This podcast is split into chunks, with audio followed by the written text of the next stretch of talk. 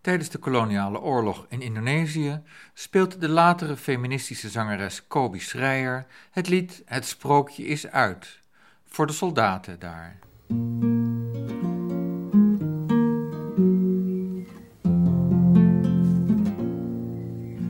Het sprookje is uit. Een mooie droom is voorbij.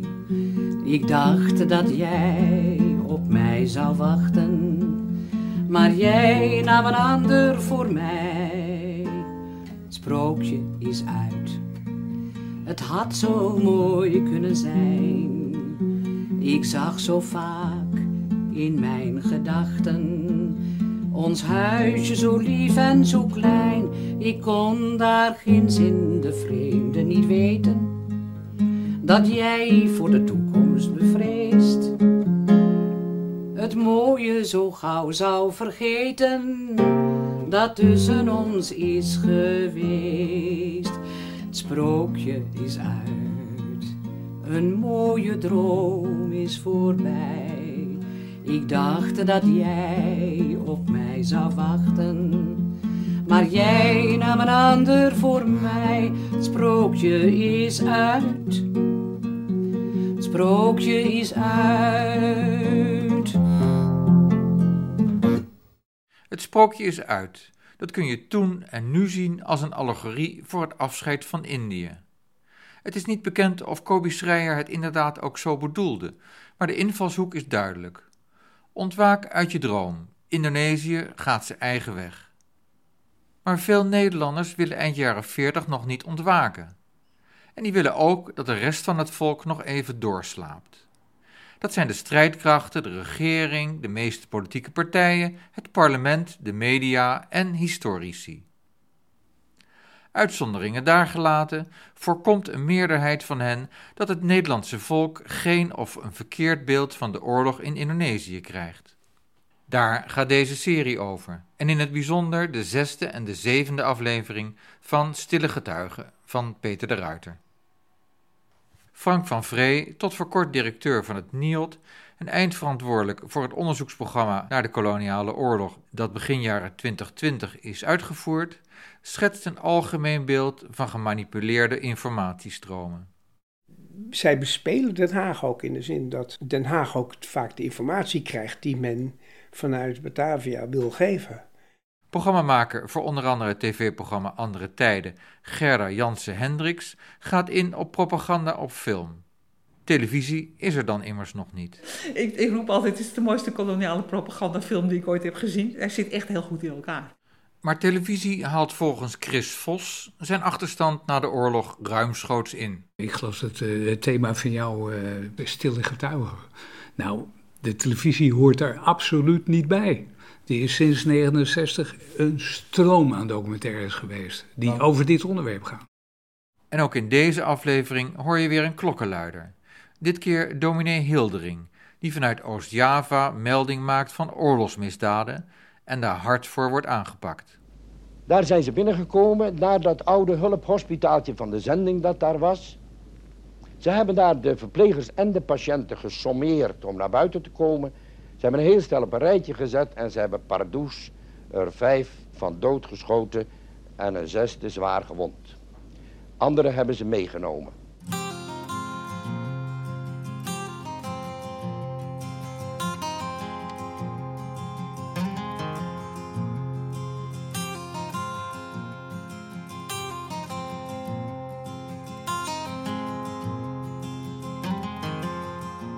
Maar deze aflevering van Stille Getuigen begint met Prins Bernhard, die op 1 oktober 1945 de toon zet met een racistisch getinte toespraak tot de soldaten in Indonesië op de geïmproviseerde radiozender Herreizend Nederland. Hij waarschuwt voor het gif dat daar is gestrooid door een satanische gele vijand, de Jap dus.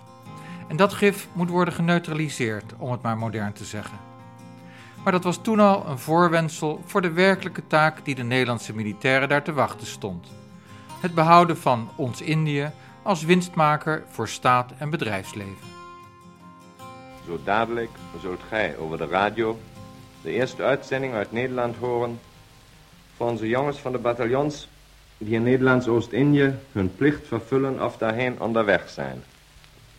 Mij is gevraagd deze uitzendingen, die tweemaal in de week zullen plaatsvinden, met een woord te openen. Gij, die thans in Indië zijt aangekomen, daarheen onderweg zijt, of op het punt staat u daarheen te begeven, hebt de zwaarste taak meegekregen die ooit aan een soldaat kan worden opgedragen. Gij, met uw betoond en beproefd enthousiasme, hebt u niet ingescheept om een strijd tegen een vijand aan te binden. Een strijd die menigeen wellicht roem en lauwen zou kunnen verschaffen.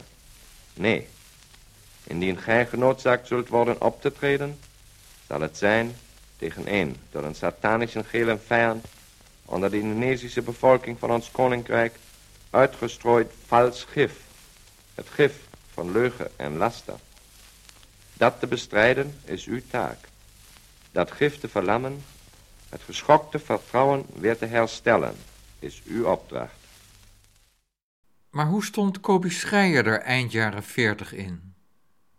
Ook zij was voor onafhankelijkheid. Zo zegt ze in 1995 in de twintigdelige televisieserie Na de Oorlog. Ik vond ook wel dat ze vrij moesten hoor. Ik bedoel, ik vond dat het absoluut moest gebeuren. En daar hebben we dus bijvoorbeeld over gepraat met kolonels en zo s'avonds. Die dan, ja, die vonden ons dan toch maar meisjes die daar niks van wisten. Ik dacht dat jij op mij zou wachten. Maar jij nam een ander voor mij. Het sprookje is uit. Het sprookje is uit. Anno 2023 is het sprookje definitief uit en heeft Nederland officieel zijn excuses aangeboden voor het veroorzaakte leed tijdens de oorlog. Er is dan een gestage stroom publicaties op gang gekomen die dat leed documenteren. Frank van Vree heeft daar de eerste jaren leiding aan gegeven.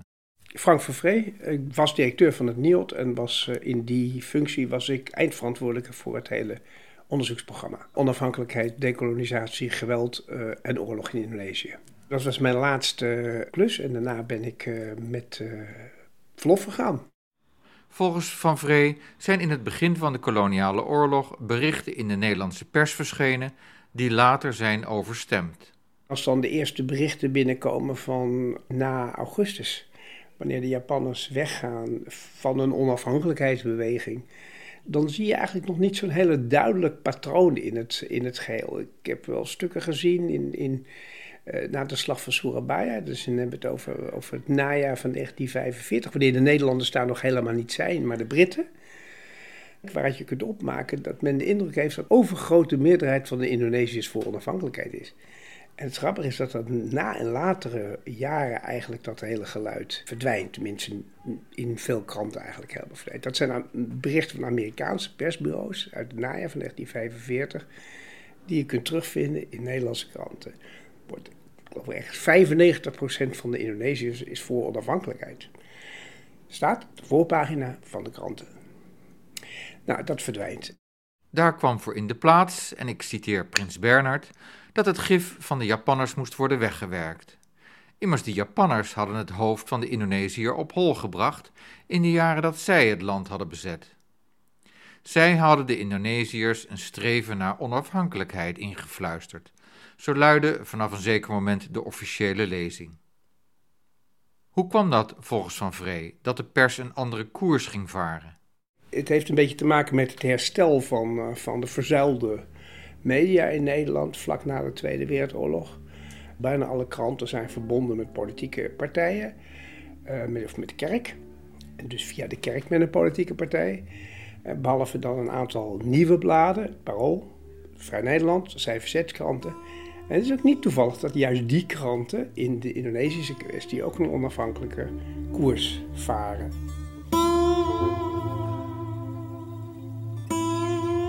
Waarom waren kranten al dan niet onafhankelijk? Omdat die, uh, de, de, de hoofdredacties van die kranten, die waren vaak lid van partijbestuur of ze waren fractievoorzitter bij, bijvoorbeeld bij de, bij de Trouw, de antirevolutionaire krant. De hoofdredacteur was ook fractieleider van de partij in, in, de, in de Kamer. bij de Volkskrant, dan na de oorlog de grootste katholieke krant, was Romme, die fractieleider was, was tegelijkertijd de politieke hoofdredacteur van de Volkskrant. En die politieke hoofdredactie, die was eigenlijk, die bepaalde als het ware de politieke lijn van de krant. Nou, dat betekent dat de journalisten, ook als uh, individuele journalisten of redacties, als ze een andere mening hadden, dat ze zich toch schikten naar die politieke lijn. Er is ook een heel concreet voorbeeld van. Vrije Volk, eh, de grote eh, krant van de Partij van de Arbeid, partijkrant, waar heel veel redacteuren moordicus tegen die oorlog waren in 47. En die, dat is dan het verhaal, huilend, stampend bij het bureau van de hoofdredacteur stonden. En zich uiteindelijk voegden naar wat de krant wilde. Anders waren ze hun baan kwijt.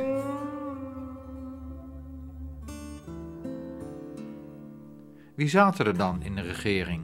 We hebben dan een Rooms-Rode coalitie.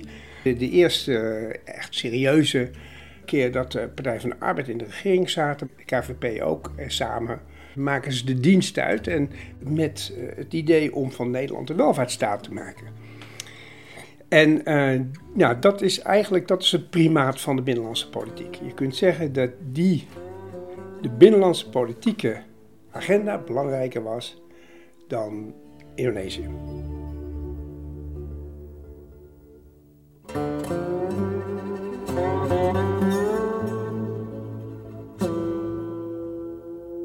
En ook bij een groot deel van de oppositie in het parlement wil men vasthouden aan ons Indië. Indonesië laten vertrekken als onafhankelijke staat is geen populair standpunt. Want stel dat het kabinet valt en er verkiezingen komen, dan moet je wel pro-Indië zijn om een kans te maken. En zo bijt de hond zich door politieke angst in zijn eigen staart. Was ook wel oppositie in Nederland tegen de oorlog van de CPN bijvoorbeeld, maar ook uh, uit de linker, de meer, uit de oud-verzetskringen bijvoorbeeld. Uh, nou, van Randwijk vind ik toch altijd een heel mooi voorbeeld. Die, ja, die, die eigenlijk een van de weinigen die heel principieel uh, opkomt voor uh, prachtige zinnen documentaire maakt. en waarin hij zegt dat het grootste geschenk wat Nederland Indonesië heeft gegeven is de wil tot een onafhankelijke democratie. Dus die keert het eigenlijk helemaal om. Henk van Randwijk was verzetsman in de Tweede Wereldoorlog en medeoprichter van verzetskrant Vrij Nederland. Op 20 juli 1947, bij het begin van de eerste politionele actie in Indonesië, schrijft hij in dat blad een tirade tegen de oorlog. Het televisieprogramma De Onderste Steen van de VARA maakte in 1985 een portret over Henk van Randwijk en vat zijn verzet, dit keer tegen de eigen regering, bondig samen. Je hoort ook zijn vrouw Ada. Kort na de bevrijding ziet hij zijn eigen vrijheidsstrijd uitlopen op de onderdrukking van Indonesië, waar Nederland een oorlog begint tegen een volk dat van ons alleen maar vrijheid had mogen verwachten. Henk van Randwijk behoort er weer tot de betrekkelijk weinigen die in opstand komen. In een fel hoofdartikel hekelt hij de koloniale oorlog die we schijnheilig een politionele actie noemen, als een politieke dwaasheid. Het schokt vooral gezagsgetrouwe aanhangers van Drees en de Partij van de Arbeid... en abonnees van Vrij Nederland bedanken in grote getalen. Ik denk altijd dat en het, uh, het einde van Vrij Nederland uh, voor hem toen... en die Indonesische kwestie hem heus jaren van zijn leven gekost hebben. Hoor. Juist omdat de kritiek ook niet uitbleef, dikwijls van zijn beste vrienden. En ook dat je anonieme brieven kreeg en ook opgebeld werd met niet al te leuke bewoordingen. Zijn oude verzetsvriend Schermerhorn mag dan later toegeven dat Henk van Randwijk het juist had gezien. Den Haag vergeeft niet gauw. En als Henk enthousiast een film gaat maken met een tekst die van begrip en vriendschap getuigt voor het Indonesische nationalisme, wordt het product door de Centrale Filmkeuring verboden. Om deze teksten.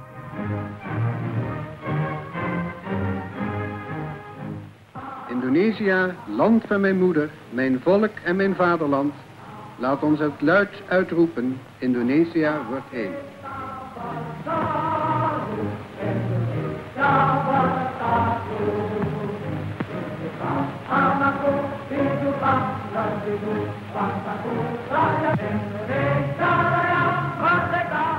De vrijheidsdrang barst uit en is door niets tegen te houden.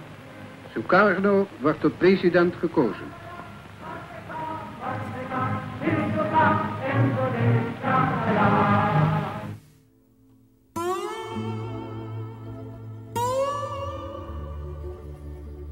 Andere uitzondering van een krant die wel oppositie voerde tegen de koloniale oorlog was De Waarheid, verbonden aan de CPN, de Communistische Partij Nederland.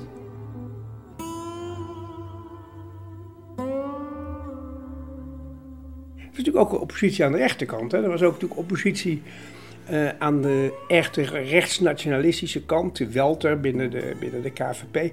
Die vonden dat het eigenlijk maar één oplossing was. Dat was namelijk rigoureus militair ingrijpen. Niet praten met Sukarno, niet praten met de Republiek, maar gewoon het kanon erop, om zo maar te zeggen. Bladen waren vooringenomen en niet onafhankelijk, maar ze konden ook niet beschikken over objectieve informatie. Indonesië was ver weg en slechts enkele media konden zich een eigen verslaggever ter plaatse veroorloven. Eh, als je kijkt naar eh, de journalisten die naartoe gingen, waren vaak embedded, trokken mee met de Nederlandse troepen. Ja, nou, we weten uit alle oorlogen, of het nu over Vietnam gaat of over, uh, over Irak, wat er dan gebeurt. Dan gaan journalisten die schuren zich aan tegen zeg maar, de, de visie en de optiek van, van de militairen. Nou, hetzelfde geldt voor fotografen. Daar is ook over geschreven, of eerder over geschreven. Uh, die, de, er komen geen verschrikkelijke foto's in de Nederlandse kranten terecht. Het is uh, officieel goedgekeurde fotografie. Hetzelfde geldt voor de bioscoopjournaals, de polygoonjournaals. Kortom, het is een hele gecontroleerde nieuwsstroom uit Indonesië naar Nederland. En nou ja, daar wreekt zich dus eigenlijk het, het gebrek van echt onafhankelijke journalistiek. Van mensen die daar naartoe gaan en daar gaan uitzoeken hoe het werkelijk zat. Die zijn, die zijn er dus wel geweest, maar dat zijn uitzonderingen. Die uitzonderingen bestonden onder meer uit buitenlandse journalisten, die wel kritisch waren en probeerden hun eigen weg te vinden te midden van de pseudo-verhalen die van officiële kant werden verkondigd. Nederland was natuurlijk ook tot de jaren 60 een heel conservatief land, een, een gezagsgetrouw land. En de journalisten vormden daar geen uitzondering op.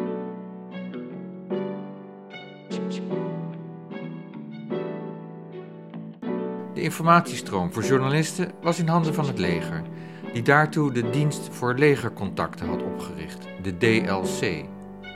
Aan het hoofd stond een militair. Wat deed die dienst? Die moesten zorgen dat de pers van informatie werd voorzien. En ja, dat is natuurlijk een, dat is gewoon een propagandaafdeling. Uh, dat had natuurlijk ook wel in, in de jaren 30 en in de Tweede Wereldoorlog geleerd dat een goede PR heel belangrijk was. En uh, dat tijdens de Tweede Wereldoorlog men begint met het maken van propagandafilms voor met name de Amerikanen, met het oog op de herbezetting na 1945.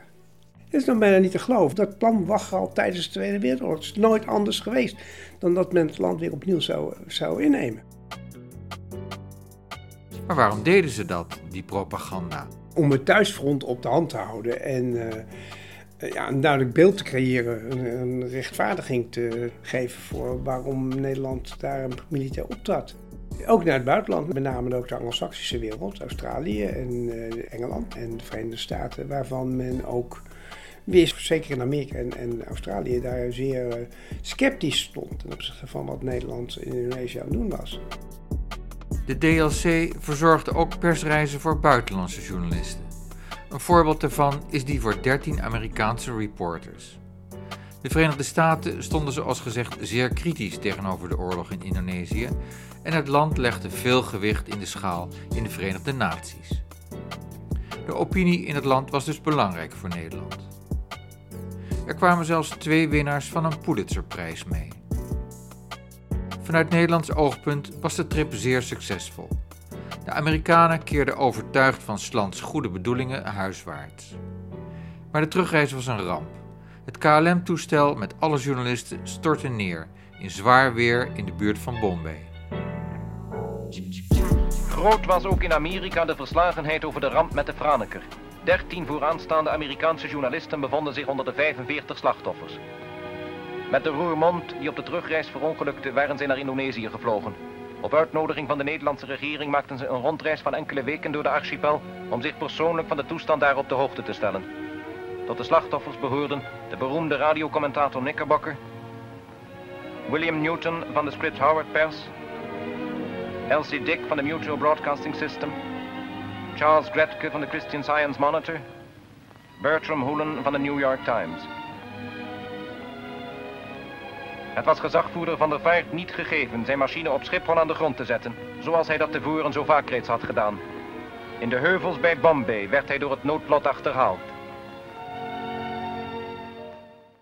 Vliegen was in die tijd nog een riskante onderneming. Niet alleen de KLM Franeker was op de terugreis verongelukt, ook de KLM Roermond, die de journalisten naar Indonesië had gebracht, was kort na die vlucht ook neergestort. Zo hoorde je net in het polygoonfragment van juli 1949. Ze verzorgden die reizen voor journalisten, dus ze fungeerden ook als gastheer. En bepaalden daarmee natuurlijk ook voor een heel belangrijk deel waar mensen naartoe gingen en welke foto's er wel en niet uiteindelijk in Nederland uh, terechtkwamen. En uh, in die zin is het ook een vorm van censuur die wordt uitgeoefend. En dat uh, mocht allemaal natuurlijk niet die naam hebben. Uh, net zo goed als Aneta, uh, het persbureau, gefinancierd al sinds de jaren twintig voor door de overheid. Maar ook al weet je de bewegingsruimte van journalisten streng te beteugelen, toch kunnen krijgsmacht en het koloniale bestuur niet voorkomen dat er soms toch iemand opstaat die wel onfrisse zaken in de openbaarheid weet te krijgen. Wat gebeurt er dan? Een actieve politiek uh, werd bedreven, schandaalmanagement werd bedreven om te voorkomen dat, dat misstanden die aan het licht waren gekomen, dat die ontspoorden en dat ze als het ware zouden ontploffen in de politiek. En dat was een hele belangrijke leidraad in het beleid wat men voerde. Hoe gaat dat in zijn werk? Nou, dat wordt gedaan op allerlei manieren. Door dingen te vertragen, door dingen te ontkennen, door onderzoek wat toegezegd is, ja, pas maanden later te doen, wanneer alle getuigen al weg zijn. Een aantal dingen zijn wel in de openbaarheid gekomen en dan zie je dat men heel hard loopt om te zorgen dat, dat het binnen de perken blijft, dat het schandaal niet ontspoort. Het is volgens Frank van Vree tekenend dat je het aantal van dit soort onthullingen op de vingers van twee handen kunt natellen. Hoeveel is er dus effectief verborgen gebleven?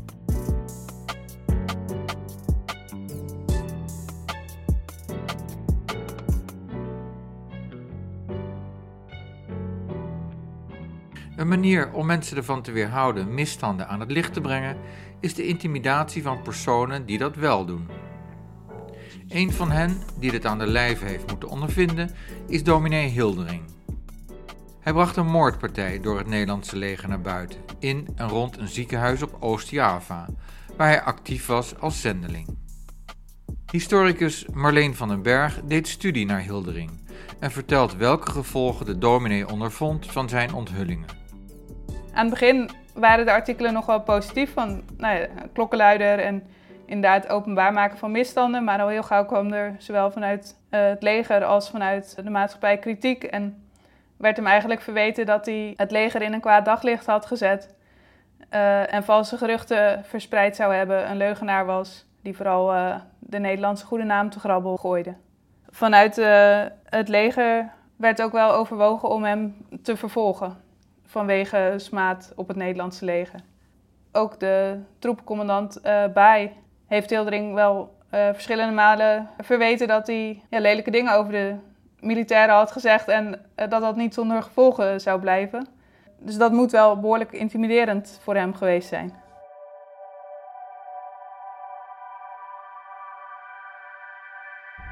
Hilderings 17-jarige dochter, die in Nederland op school zat, werd door schoolgenoten betiteld als de dochter van een landverrader, schrijft Van den Berg in haar masterscriptie over Hildering. In een uitzending van Achter het Nieuws van januari 1969, naar aanleiding van de onthullingen van Joop Huting, komt Hildering zelf over de kwestie aan het woord. Het drama speelt zich af in het dorp Peniwen, dat lag in republikeins gebied. waar het Nederlandse leger niet behoorde te komen, aan de andere kant van de zogeheten demarcatielijn. Maar de militaire patrouilles van de kant van Nederland infiltreerden zo telkens in het zonegebied waar de guerrilla's werkten. En zo zijn ze op die zaterdag en zondag ook in die grote christendessa Beniwen in het Zuid-Malangse doorgedrongen. Daar zijn ze binnengekomen naar dat oude hulphospitaaltje van de zending dat daar was. Ze hebben daar de verplegers en de patiënten gesommeerd om naar buiten te komen. Ze hebben een heel stel op een rijtje gezet en ze hebben pardoes er vijf van doodgeschoten en een zesde zwaar gewond. Anderen hebben ze meegenomen. Ze zijn die zondagmorgen uh, ten tijde van de kerkdienst daar nog doorgegaan. Toen zijn er nog weer drie zomaar doodgeschoten. Er waren drie vrouwen verkracht. Daar is ook nog moord mee gepaard gegaan ten opzichte van de man van de een en de verloofde van de andere. En de derde, dat was een oude man. Dat is op zondagmorgen gebeurd, de 20 februari. Dominee Hildering vertelt het verhaal vrijwel emotieloos. Het is dan twintig jaar geleden. Maar de hele kwestie heeft hem flink door elkaar geschud. En hij heeft zich zelfs afgevraagd of hij niet beter terug naar Nederland zou gaan. Hij zat in een spagaat. Hij was immers als zendeling naar Indonesië gegaan om Gods woord te verkondigen. Binnen zendingskringen was er sowieso ook breder wel ja, dat mensen positief stonden tegenover onafhankelijkheid en dat ook eigenlijk zendelingen zelf. Enerzijds waren ze natuurlijk naar Indonesië gekomen in het kielzog van de koloniale overheersers. En profiteerden ze er ook van dat Nederlanders daar de macht hadden en een soort wegbereiders voor hen waren. Tegelijkertijd merkten ze in hun contact met de Indonesische bevolking dat ze toch ook als Nederlander gezien werden en dus als overheerser. Dus dat hun verhouding met de Indonesische bevolking niet gelijk voelde en niet gelijk was voor beide partijen eigenlijk. En dat werd door zendelingen wel als een belemmering ervaren.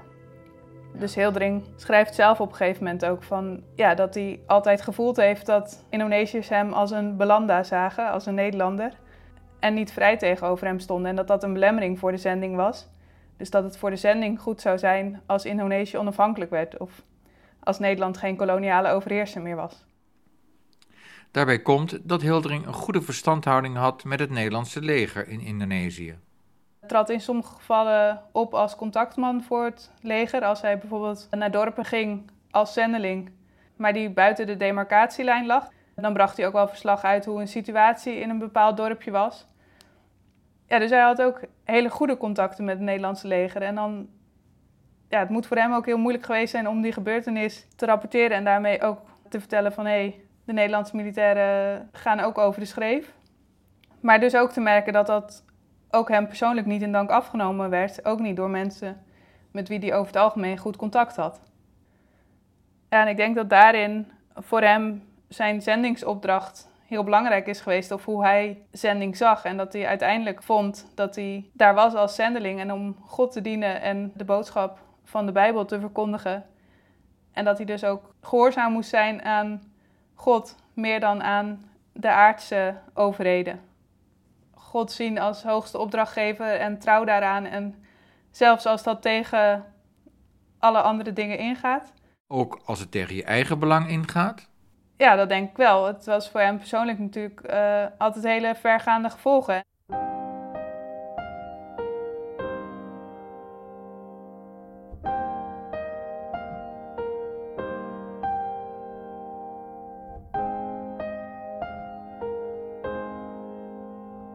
Dominee Hildering was tijdens een vergadering op de hoogte gekomen van de gewelddadigheden rond het ziekenhuis door een rapportage van de dominee uit die streek, de heer Matta Di Puro. Hildering gaf dit op zijn beurt door aan de Raad van Kerken in Nederland. En die heeft de kwestie bekendgemaakt en zo is het in de Nederlandse krant terechtgekomen.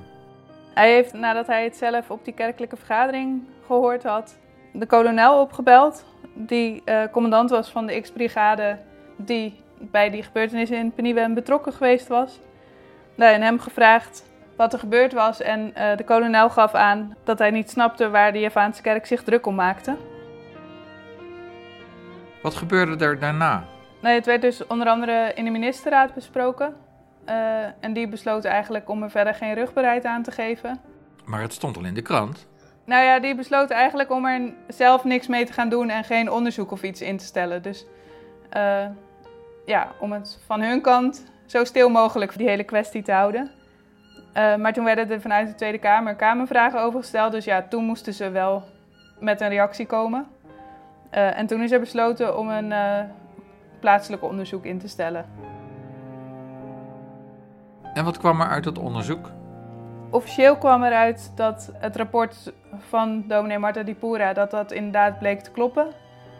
Maar het officiële bericht werd dat de eenheid zich goed had gedragen en dat de misstanden te wijten waren geweest aan één militair die niet opgespoord kon worden. En dat de zaak maar geseponeerd moest worden.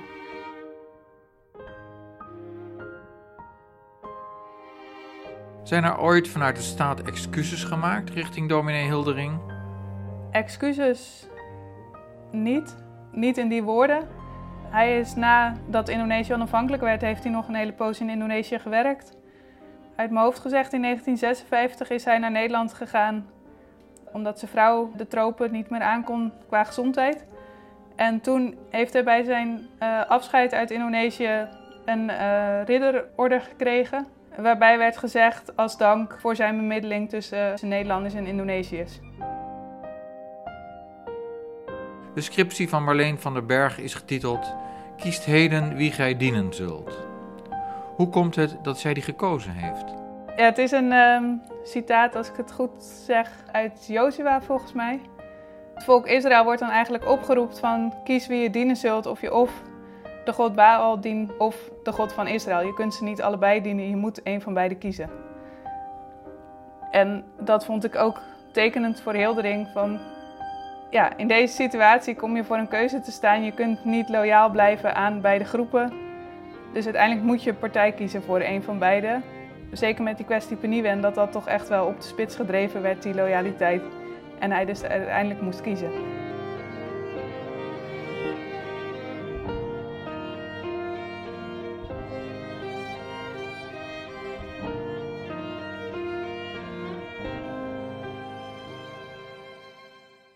De kwestie rond dominee Hildering wekt de indruk dat het Nederlandse leger in Indonesië vooral op eigen houtje handelt. Dat geldt volgens Frank van Vree ook voor het bestuur daar. Dat was inmiddels een eeuwenlange traditie. In de zin dat de autonomie eh, van het Nederlandse bestuur in Indonesië, dat dat heel autonoom is, eh, was het voor de oorlog al en dat is het in deze periode ook. Eigenlijk wordt een belangrijk deel van wat er gebeurt, wordt bepaald door het opperbevel en de, de gouverneur-generaal. Uh, uh, die bepalen in grote mate, en daar zie je echt het, uh, het samengaan van militaire en bestuurlijke. Het vloeit die samen en dissidentenstemmen worden eigenlijk weggefilterd. Zij bespelen Den Haag ook in de zin dat Den Haag ook vaak de informatie krijgt die men vanuit Batavia wil geven. Dus de Batavia, zeg maar, wordt militair en dan vooral de militaire leiding, is hier heel erg leidend in wat er gebeurt aan, in, uh, qua informatie. En het beïnvloedt dus op die manier ook de politiek.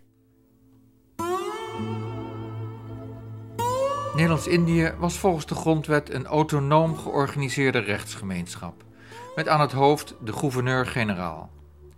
Die functie omvatte zowel de zeggenschap over het bestuur als de politieke verantwoordelijkheid voor het leger. Een conctie in één persoon dus. Tijdens de koloniale oorlog bekleedde tot augustus 1948 luitenant Huip van Mook die functie. En daarna kwam Louis Bill. Frank van Vree leest op mijn verzoek een van de conclusies voor uit het boek Over de Grens, dat in 2022 is voortgekomen uit het onderzoeksproject waar hij de leiding over had. Vaststaat dat politiek en bestuurlijk verantwoordelijke figuren aan de Nederlandse kant op alle niveaus hebben gezwegen en de geweldspraktijk in het veld moedwillig hebben verhuld of van beter bruikbare interpretaties hebben voorzien.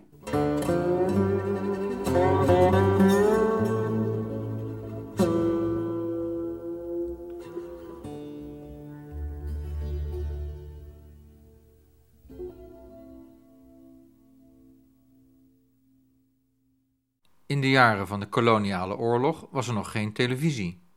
Voor bewegende beelden moest je dus naar de bioscoop. En in de meeste bioscopen draaide het Polygoonjournaal, met krachtige, samengebalde items van 30 seconden, met vaak de bekende stem van Philip Bloemendaal. Dat gaat in 1947 ongeveer zo. Bij iedere grote gebeurtenis in het leven van de Javaan wordt een bijzondere maaltijd gehouden, slamatan genaamd, waarbij kippen, geiten of soms een karbouw geslacht worden. Dit gebeurt bijvoorbeeld ter gelegenheid van geboorte of overlijden, een huwelijk, het nieuwe jaar of bij de inwijding van een nieuw huis. Iedereen, jong en oud, arm of rijk, wordt erbij uitgenodigd. We zitten midden in een oorlog met Indonesië, maar Polygoon heeft het over traditionele maaltijden op Java. Iets dichter bij de oorlog is in 1945 het vertrek vanuit Den Haag van administratief personeel naar de Oost. Generaal Bongers spreekt de vertrekkenden toe die per auto naar Calais en vandaar per schip naar Indië zullen reizen. Gevochten wordt nog steeds niet, maar de soldaten krijgen wel entertainment voorgeschoteld via de Niwin. Dat staat voor Nationale Inspanning Welzijnsverzorging Indië. Dankzij de goede zorgen van de Niwin wordt onze jongens in Indonesië langzamerhand wat meer ontspanning geboden. Tot de artiesten die kort geleden een tournee door Indië maakten, behoorde onder andere Silly Wang, de bekende danseres, die we hier zien tijdens haar optreden in een openluchttheater op het vliegveld Chililitan bij Batavia. Maar serieuzer dan een reportage vanaf het Binnenhof over nieuwe militaire actie wordt het niet. De kritieke situatie in Indonesië heeft tot een nieuw optreden van de Nederlandse strijdmacht geleid. De berichten over deze nieuwe strijd tegen de extremistische elementen in de republiek vonden gretig aftrek en werden op straat druk besproken. De minister-president Dr. Drees komt aan bij het gebouw van de Kamer, spoedig gevolgd door de minister Stikker en Sassen, die nog tot het allerlaatst besprekingen met de republikeinse leiders hebben gevoerd. Wat mij opviel, en wat dat was met de werkgroep al, dat uh, die uh, bioscoopjournaals heel weinig verwantschap vertoonden met het journaal zoals wij dat toen kenden, zoals we het gewoon van televisie kenden. Het nieuws brengen. Dat deden die bioscoopjournaals wel een beetje, maar eigenlijk bijna niet. Je hoort de stem van Gerda Jansen Hendricks, historicus en programmamaker voor onder meer het televisieprogramma Andere Tijden. Ze heeft het over het onderzoek naar films over de koloniale oorlog dat zij al in 1984 met enkele collega's verrichtte. Bioscoopjournaals zijn, waren toen weliswaar nieuws. De enige manier waarop mensen het nieuws via beeld uh, tot zich kregen. Tegelijkertijd was het het voorprogramma van de speelfilm. En dus ook voor een deel in amusement. Er zitten heel veel sport in en modeshows en nou, gezellige dingen. Uh, ook wel een beetje nieuws hoor. Dat, uh, dat is één. En ten tweede kwamen we er wel snel achter dat, het, dat er echt geen wanklank in te bekennen was waar het ging om berichtgeving over Indonesië. En dat niet alleen dat, maar dat er ook bijna geen vechten te zien was.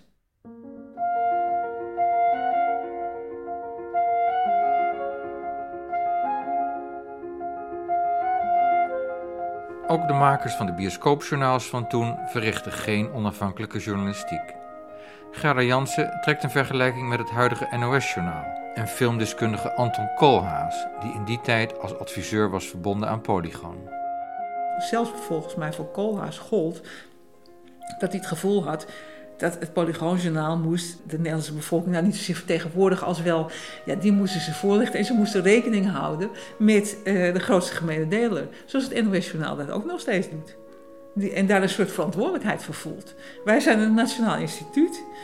Dus het is niet de bedoeling dat wij uh, zowel links of ter rechterzijde extreme meningen uh, een podium geven. Wij zijn de middenmoot. En dat had het Polygoonjournaal ook heel erg sterk. Behalve de Polygoonjournaals was er ook het meer documentaire programma Wordende Wereld, gemaakt door de firma Multifilm. Dat draaide exclusief in de Cineac-bioscopen, waarvan er één in elk van de vier grote steden in Nederland was, van de jaren 30 tot in de jaren 80. Cineac is een afkorting van Cinema Actualité en deze Franse formule bestond uit een doorlopend programma van een uur met verschillende korte films. Je kon op elk moment instappen en uitstappen, of blijven zitten dus. Maar Wordende Wereld was langer en rustiger van toon dan Polygoon. En zoals gezegd meer documentair en met klaarblijkelijk oprechte belangstelling voor de mens, Aziatisch of Europees.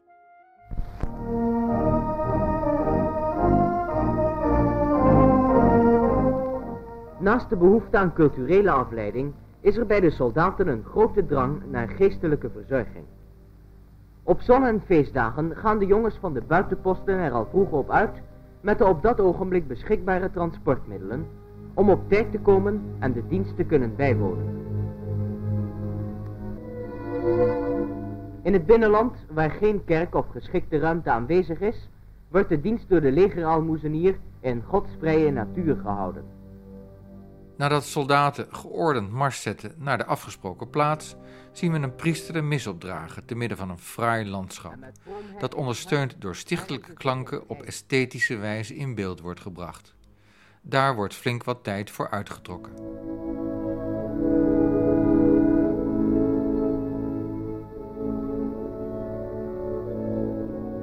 Enigszins wrang is de viering in Batavia van het 50-jarige regeringsjubileum van koningin Wilhelmina, met onder meer een militaire show. Het is dan 1948. Op Chililitan genoten duizenden Batavianen van de grootste luchtvaartdemonstraties ooit in Indië gehouden.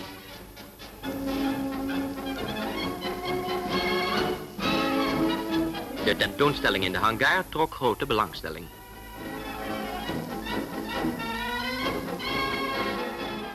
In Batavia werd verder een grootse optocht van auto's en versierde wagens gehouden.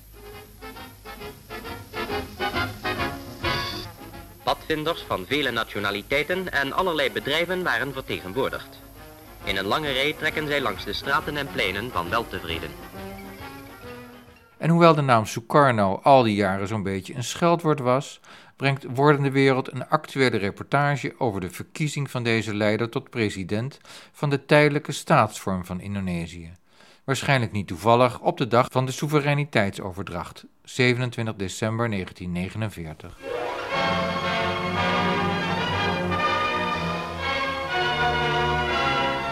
De hoofdstad van de Republiek Indonesië, stond deze dagen weer in het middelpunt der politieke belangstelling.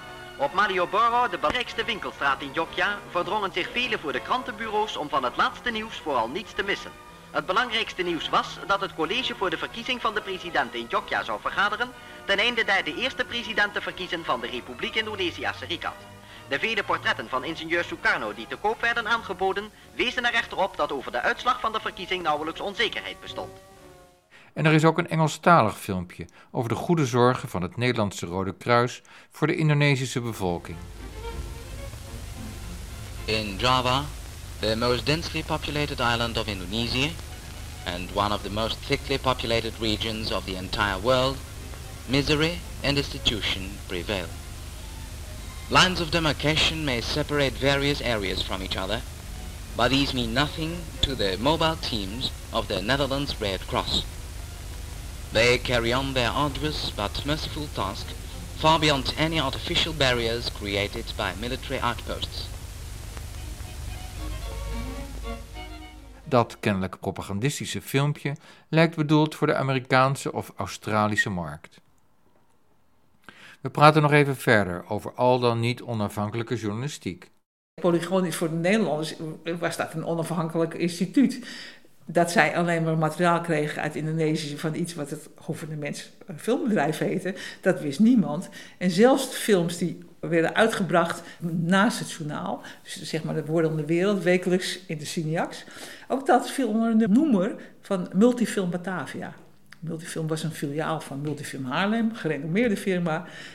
Alleen, uh, dat was uh, overgenomen door het gouvernementsfilmbedrijf. En het is expliciet, dat is gewoon zwart op wit, dat ze dus alleen de naam van Multifilm gebruikten en niet het gouvernementsfilmbedrijf. Multifilm, de maker van Wordende Wereld, was dus een cover-up, want in eigendom van het gouvernementsfilmbedrijf. Een overheidsinstituut dus.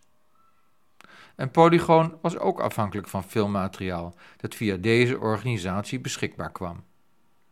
Vandaar ook dat Wordende Wereld beschikte over zulk mooi filmmateriaal.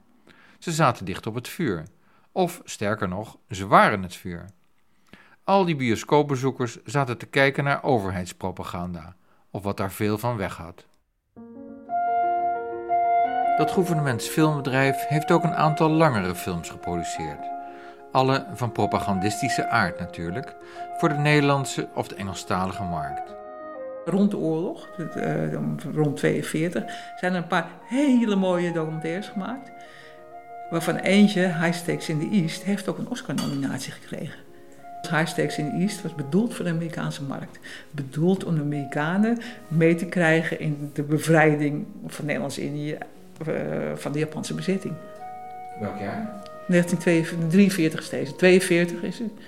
Zoals Frank van Vree al zei, Nederland is al vroeg begonnen met plannen maken en het masseren van de buitenwacht voor de herbezetting van Nederlands-Indië.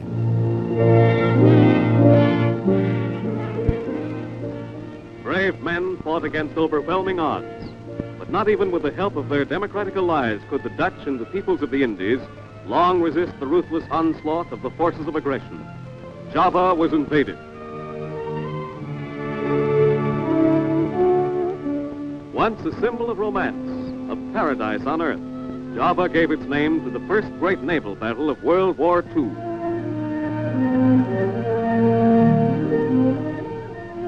But why are the Netherlands East Indies so important to the modern world? Ja, waarom is Nederlands-Indië zo belangrijk voor de moderne, zeg maar, westerse wereld? High Stakes in the East gaat over alle grondstoffen van Indonesië. En wat dat voor betekenis heeft voor de geallieerde zaak natuurlijk. En aan het eind van de film wordt nog eens benadrukt dat het Nederlands Oost-Indië is.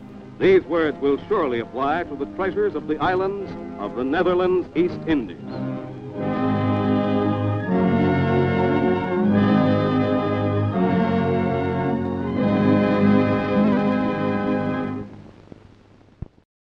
Ik, ik, roep altijd, het is de mooiste koloniale propagandafilm die ik ooit heb gezien. Hij zit echt heel goed in elkaar. Waarom is het propaganda? Omdat het eh, met een duidelijke bedoeling is gemaakt. Weet je, het moet mensen overtuigen van iets. Overtuigen van het belang van Indonesië onder Nederlands bestuur. Dat zit natuurlijk in het begin wel even erin, dat, het, dat Nederlanders daar de boel besturen. En dat komt verder helemaal niet meer aan de orde, want uh, zo slim zijn ze wel. Dit is Amerika. Amerika is antikoloniaal.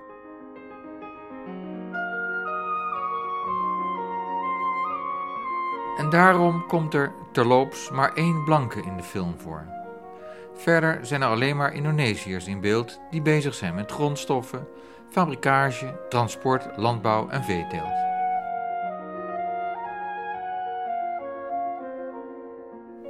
Curieus is dat de filmbeelden in 1941 oorspronkelijk in opdracht van gouverneur-generaal van Mook zijn gemaakt. Bedoeld om Indonesië aan te prijzen als toeristische bestemming en voor het aantrekken van investeringen. Maar er kwam een oorlog tussen en toen zijn die beelden op een andere manier voor een ander doel gemonteerd en kwam er ook een andere tekst aan te pas. Dat hoort bij film. Je kan, je, ja. Kan, ja, je kan film voor van alles nog wat gebruiken. Ja, dezelfde opnames ook nog, ja. Maar je kan met een klein beetje manipuleren. Nou, daarom is dat montagevoorbeeld wat die filmer mij toen vertelde. Die filmer was Charles Breyer. Die filmde in opdracht van Van Mook. Nou, dat ze bijvoorbeeld bij de montage, met die eerste grote actie in 47, dan kregen ze allemaal filmmateriaal van de cameramensen. En dan moesten ze het zo monteren dat het vooral niet agressief leek. weet je, dat, dat, en daar had hij een mooi voorbeeld van. Hij zei van, nou, dan heb je zo'n tank die voorbij rijdt. En die cameraman die houdt dat shot nog even aan. En dan zie je mannetjes op weg naar de, naar de markt en dat soort dingen. En het was dus ook onze opdracht om dat zo te monteren dat je dat ook bleef zien. Weet je, die tanks komen wel voorbij, maar het dagelijks leven gaat ook gewoon door. Ja, film is bijna manipulatie. Dat is uh, veel meer nog misschien wel de schrift. Alle componenten van een film die jij ziet op televisie of in de bioscoop, dat zijn al zoveel elementen, want je hebt het beeld. En dat beeld, dat wordt in eerste instantie al bepaald door waar de camera zich op richt. Want het is niet wat jij zelf ziet. Dat is alleen maar de beperkte uh, hoeveelheid van de lens. Kan Gerda daar een voorbeeld van geven? Je ziet een paar Indonesiërs op een stoepje van een huis zitten. Het ziet er heel vreedzaam uit. Die zitten daar gewoon. Als je uitzoomt, zie je dat daar aan de andere kant twee Nederlandse soldaten met getrokken geweer staan.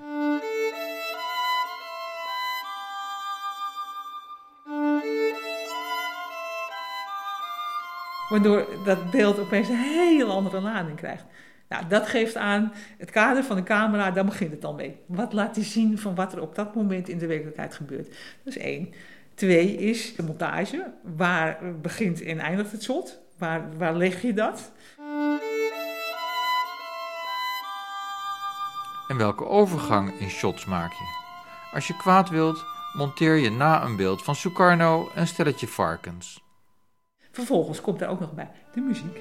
Die heel erg uh, bepalend kan zijn uh, voor, voor, een, uh, voor de sfeer die je oproept. De voice-over, het commentaar, wat zeg je erbij? Nou, het zijn allemaal van die lagen. Een goed voorbeeld van manipulatie is de film Lingajati in de branding, die in opdracht van gouverneur-generaal Van Mook is gemaakt door het gouvernementsfilmbedrijf. Lingajati verwijst naar het akkoord van Lingajati, dat Nederland in 1946 sluit met de dan nog in Nederlandse ogen clandestine Indonesische Republiek. Dat akkoord zal uiteindelijk van beperkte waarde zijn. Luister naar hoe in de film de Japanners alle schuld in de schoenen krijgen geschoven en in Nederland begrip wordt gekweekt voor herbezetting. Tokio, 2 september 1945. De strijd in het Verre Oosten is ten einde. Japan geeft zich over. En aan boord van het slagschip Missouri wordt op plechtige wijze de wapenstilstand ondertekend. De wereld herademt omdat eindelijk de vrede is gekomen. Omdat eindelijk de mensheid kan gaan bouwen aan de nieuwe samenleving. De vrede is gekomen. Is dit werkelijk zo? Wat volgt er eigenlijk op Tokio?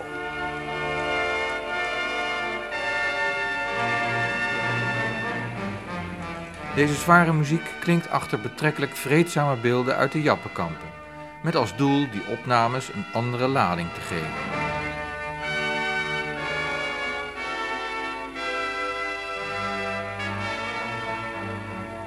Maanden en maanden na de wapenstilstand bleven nog tienduizenden in de archipel tegen hun wil opgesloten in concentratiekampen na van het overgrote deel hunner bezittingen beroofd te zijn. Hun moeizaam bewerkte evacuatie bood een droevig beeld. Toen de trein eindelijk Batavia binnenreed, waren ze eindelijk weer thuis. Ziek en uitgeput van ellende bezitten ze niets meer dan de kleren die ze dragen. Met een tekst kun je aan alle beelden een betekenis proberen te geven, ook al zit die er niet in. Lingajati, een naam die tot een begrip werd. Tot een overeenkomst welke nieuwe wegen opende tot een vreedzame, trouwhartige en energieke samenwerking van alle die Indonesië groot willen maken. Maar het Japanse gif was gezaaid, een sfeer van haat ontstaan. Japanse instructeurs hadden jonge Indonesiërs tot vechtautomaten opgeleid. Deze hebben strijdorganisaties gevormd die desnoods zelfstandig en ook door elkaar heen een politiek voeren.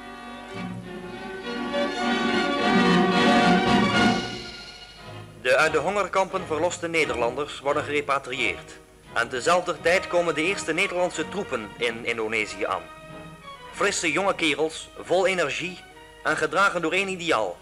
Een einde te maken aan moord en roof. Recht en veiligheid te brengen aan de zo zwaar beproefde Indonesische bevolking. Een prachtige taak die echter ontzaglijk zwaar zal blijken te zijn. Het idee in Linggadjati is, er is uh, onrust ontstaan door de Japanners in de oorlog. De goedwillende Indonesiërs willen met ons samenwerken op weg naar zelfstandigheid binnen het koninkrijk, of desnoods buiten, maar dat is heel lange termijn. En dan zijn er stel rebellen en uh, types als uh, Sukarno, die alvast helemaal niet genoemd wordt. Het idee dat een grote meerderheid van Indonesiërs onafhankelijk wilde zijn, dat, dat zit er gewoon helemaal niet in. Het is inderdaad goedwillende Indonesiërs en de kwaadwillende Indonesiërs, terroristen, rebellen, bendes, plundering. En daar treden wij tegen op.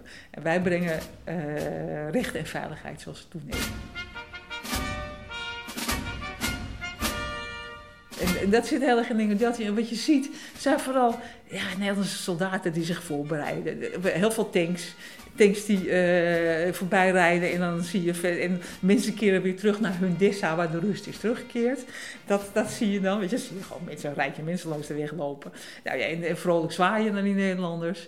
En er worden wegversperringen opgeruimd die door uh, de Republiek zijn vastgelegd, dat soort dingen. De laatste dag van de politionele actie wordt op het eiland Madura geland. In de prille ochtend van de 4 augustus steken landingsvaartuigen van Surabaya het Oostervaarwater over en landen op de zuidkust van het eiland.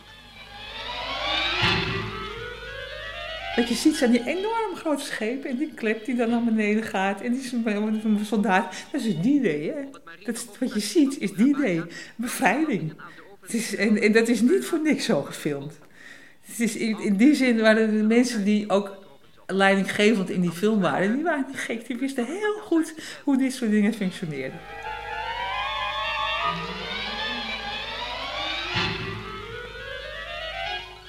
Maar Lingajati in de branding heeft het Nederlandse bioscooppubliek nooit bereikt. Van Mook heeft vertoning verboden. Omdat hij vond dat er te veel geweld in zat.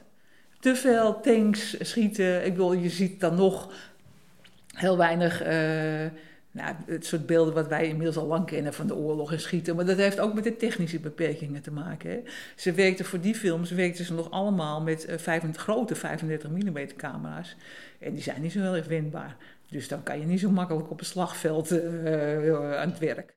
Maar Lingajati in de branding is niet de enige film die het Nederlandse publiek niet heeft bereikt. De film Oud en Nieuw in Indonesië kwam al aan de orde tijdens het gesprek met Frank van Vree. Indonesiërs en Nederlanders tezamen de weg naar een nieuwe toekomst voor beide volken. Als wij het willen en begrijpen, zal en moet het gelukken. En waarom zouden wij Nederlanders de wens uit het Indonesische volkslied niet van ganser harte nazeggen? Mogen zijn grond vruchtbaar zijn, mogen zijn zonen in vrede leven. Oud en Nieuw in Indonesië was een opdracht van een vereniging Nederland-Indonesië, die dus heel sympathiek stond tegenover het onafhankelijkheidsstreven. En Henk van Randwijk was voorzitter van die vereniging. Kijk, die film is gemaakt om ook aan het Nederlandse bioscooppubliek te laten zien dat uh, de Indonesiërs die uh, onafhankelijkheid wilden, helemaal geen rebellen en terroristen waren, maar gewoon ook mensen die uh, recht op zelfbeschikking hadden. En dat ook prima konden uitoefenen. Behalve vredige beelden van een arbeidzaam Indonesië, bevat de film ook opnames van politieke bijeenkomsten. Die waren dus afkomstig van de Republiek. Ik weet niet precies hoe, ze, hoe zij eraan gekomen zijn. Maar de film werd afgekeurd. Door de filmkeuring, want die had je toen nog in Nederland. Die, uh, je kan zeggen dat het filmcensuur was, maar die film, ja, er bestond gewoon filmkeuring al van voor de oorlog. En die uh, kon films afkeuren. Het gebeurde niet zo heel veel hoor, dat films werden afgekeurd. Maar deze oud en nieuw werd afgekeurd omdat uh, dit was vlak nadat de eerste grote militaire actie uh, was begonnen. En de filmkeuring keur, zei dat er kans was dat er rellen zouden ontstaan door deze film. En dat het dus daarom een gevaar voor de openbare orde zou zijn. En dat het daarom afgekeurd zou moesten worden. De film is verboden op dezelfde dag dat Van Randwijk zijn stuk tegen de koloniale oorlog in Vrij Nederland plaatste. De filmkeuring schrijft onder meer: In algemene zin kan worden gezegd dat het tweede gedeelte van de film tendentieus pro-republikeins is en dus propagandisch van opzet. Gezien de huidige ontwikkelingen in Indonesië moet ik vertoon van deze film in deze vorm en in deze tijd inopportun en ongewenst achten, aangezien zij zeer zeker scherpe reacties zal uitlokken. Het is onbegrijpelijk dat de Vereniging Nederland-Indonesië onder de huidige omstandigheden niet eigenaar beweging afziet van vertoning van deze film. Zoals Gerder al zei, de eerste politionele actie was juist begonnen.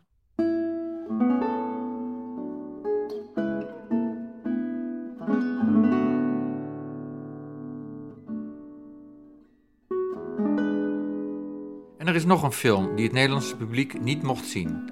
Indonesia Calling van de gelauwerde Nederlandse filmmaker Joris Evans. Indonesia Calling gaat over de havenstaking van de Australische havenarbeiders die zich solidair verklaren met hun Indonesische tegenhangers, Indonesische zeelieden. Australië ligt in de buurt van Indonesië. En tijdens de Tweede Wereldoorlog heeft Nederland zich in Australische havens voorbereid op ik zeg het nog maar een keer, de herbezetting van Indonesië. Er liggen daar Nederlandse schepen, afgeladen met hulpgoederen en wapens. Ze wachten tot ze de oversteek naar ons Indië kunnen maken. Maar, zo hoor je in de film, Indonesië is altijd uitgebuit door Nederland en dat land wil Indonesië gewapende hand heroveren. Now the war's over, they'll want to go back to making profits, and for that they'll need ships. The ships are here in Australian harbours, in Brisbane, Melbourne and Sydney. Ships to reconquer their treasure islands, to get back their oil and rubber, their quinine and tin mines.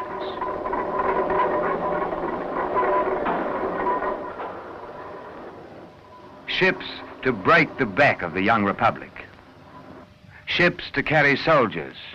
Ships to carry guns.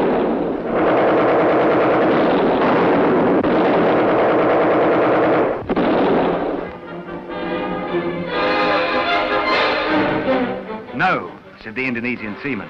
We won't man your ships. We won't carry arms to be used against our own people. Here's our answer. Direct action. They left the ships. Nu wil het toeval, of niet, dat die Nederlandse schepen worden bemand door Indonesische zeelieden.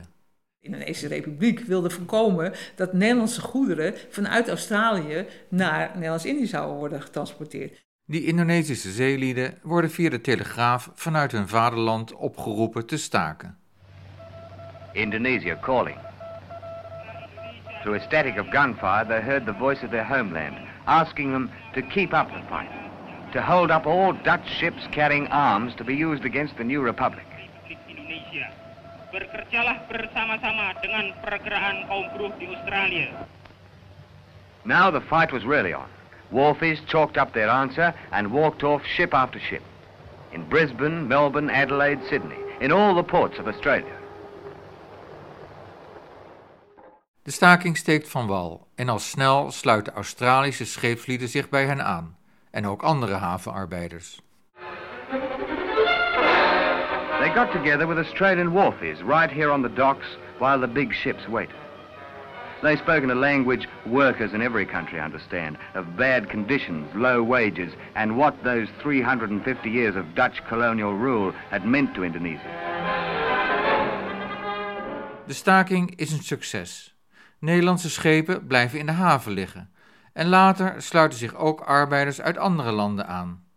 Aan het eind van de film marcheren ze gezamenlijk over een brug naar de haven.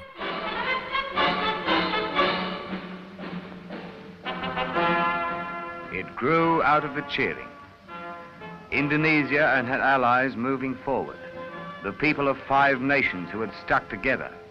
They marched toward other battles. And below them, under the bridge, lay the ships that didn't sail. Ships that didn't sail so that a young republic might live.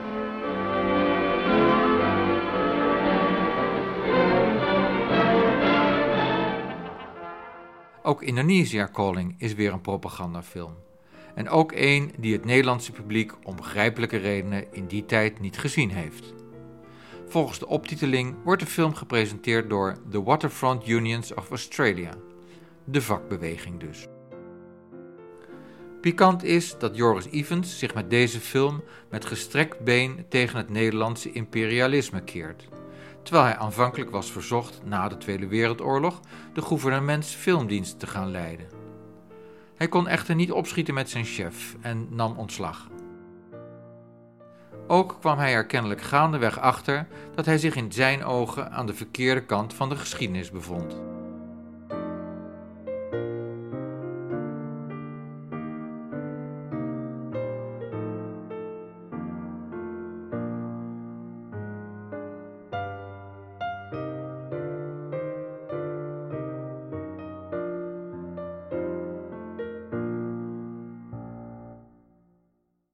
Maar welk beeld krijgt de Nederlander dan wel van de strijd in Indonesië?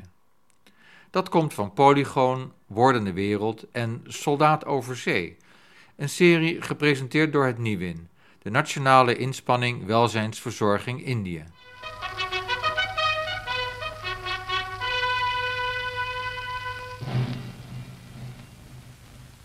Ik ben Jan. Ik kom uit de steden en dorpen van Nederland. En nu zit ik in de bloedhitte van de tropen. Dit hier is ons nieuwe tandpadje. Als u wat vervoelt, loop dan maar mee. Zal ik u eens laten zien hoe het leger van Jan behuisd is.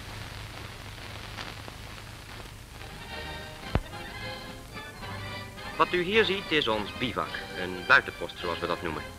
Een afgesloten wereldje van 100 meter in het vierkant. De barakken zijn opgetrokken uit bamboe, atap en vezeltouw.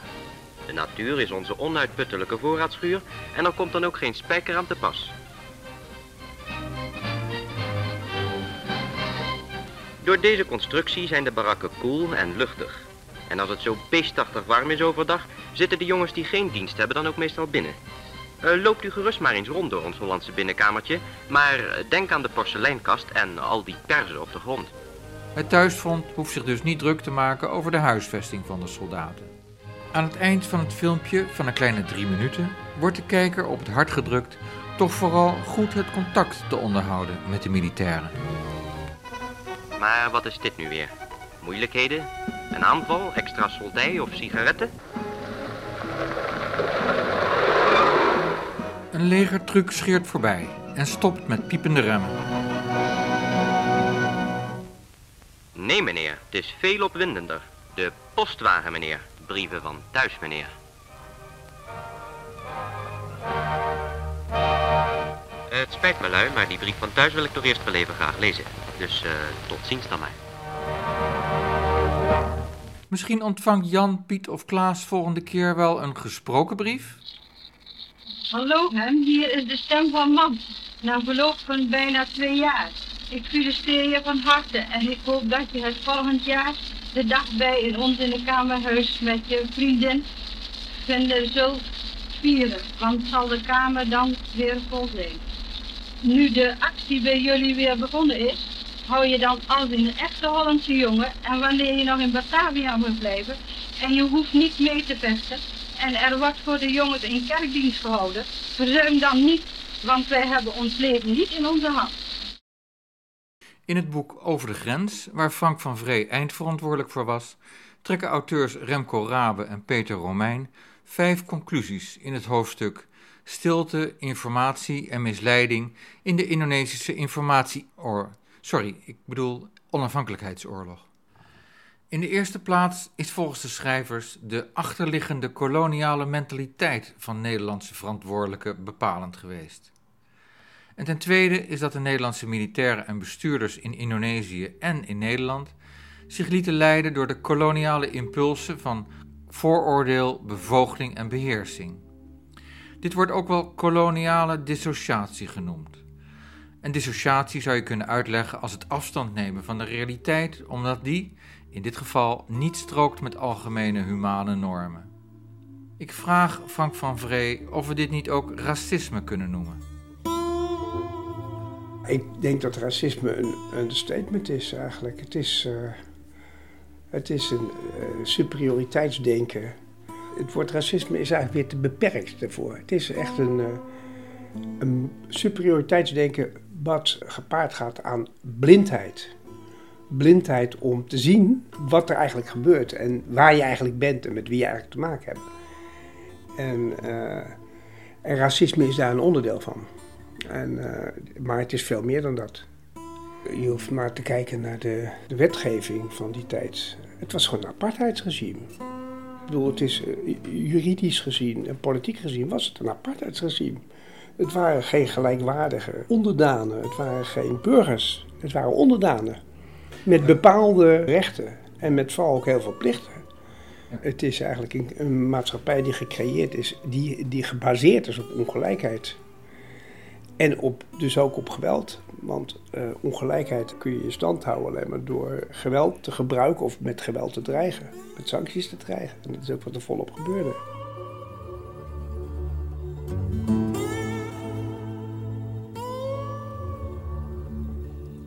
Dank voor het luisteren naar deel 6 van Stille Getuigen, een serie van Peter de Ruiter. Ook deel 7 gaat in op informatiestromen en de rol van de media, dus houd je oren open.